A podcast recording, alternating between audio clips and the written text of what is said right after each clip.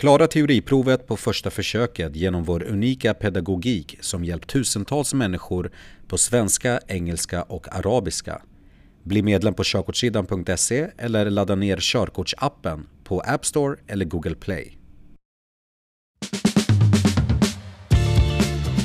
Hej allihopa och hjärtligt välkomna ska ni vara till Körkortssidan och Körkortsappen. Här hjälper vi dig att ta körkortet snabbare, enklare och billigare. Och det här är avsnitt 68 utav 10 stycken körkortsfrågor där vi går igenom 10 stycken körkortsfrågor tillsammans med er. Ska vi börja på en gång? Som vanligt så följer du inte oss på... Oh, där var mina DMs. Det, och följer du inte oss på Instagram så tycker jag att du ska göra det nu. Eh, där har vi en story där vi går igenom eh, riktiga situationer ute i livet eh, som ni kan lära ut utav er varje dag och nya frågor i våran feed varje dag också. Och självklart som vanligt eh, körkortsljudboken. Okej? Okay? För då kan du lyssna på en komplett ljudbok eh, eh, på Spotify och där poddar finns helt gratis. Och den har typ 60 000 spelningar i månaden vilket är helt otroligt och den var nyligen Sveriges 42 största podd. Det är helt otroligt, jag kan inte ens tro att, det jag säger är sant. Men hörni, nu går vi in på körkortsappen. Det här var förra eh, gångens eh, eh, prov. Nu ska vi se här. här. Ja, här kan ni se. Ni kan göra kategoriprov. Så att om ni behöver öva på just trafikregler så kan ni göra det. Eller personliga förutsättningar, miljö och så vidare. Men vi ska ta 10 stycken körkortsfrågor precis som vanligt och vi börjar med fråga nummer ett på en gång. Var måste kontrollbesiktningen göras?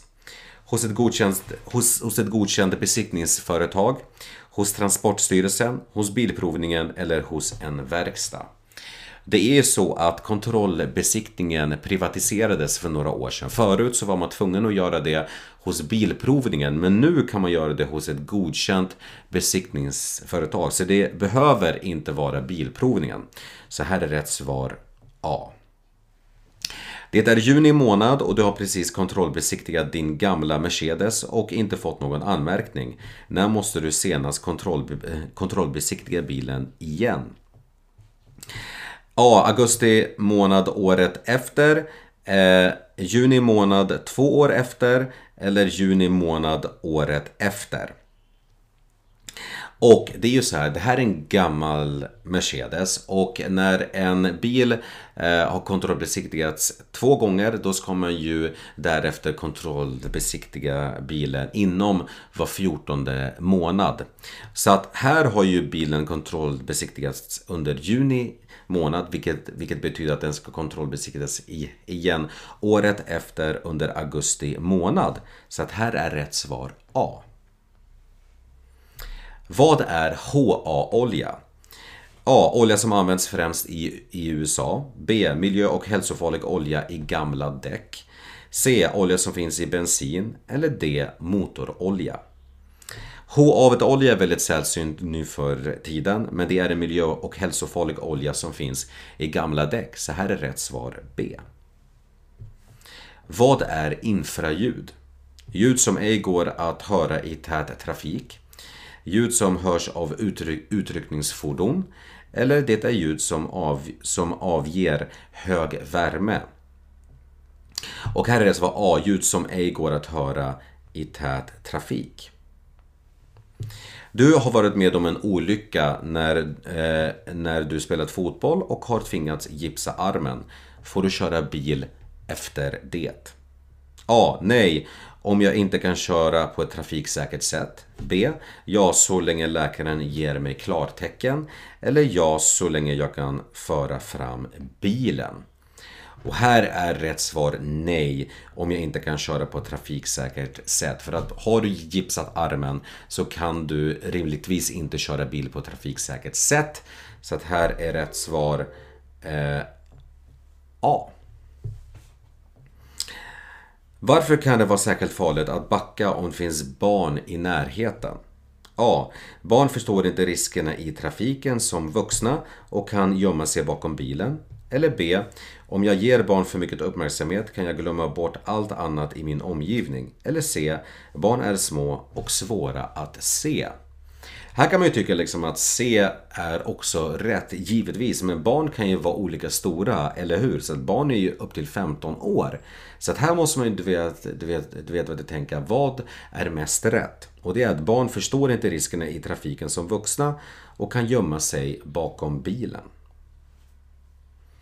Vad betyder tilläggstavlan?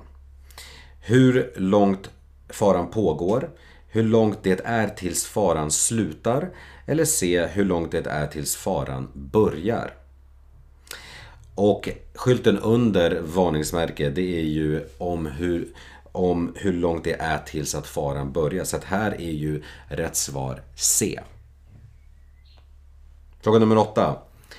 Vilket är rätt då du anländer till en spårvagnshållplats?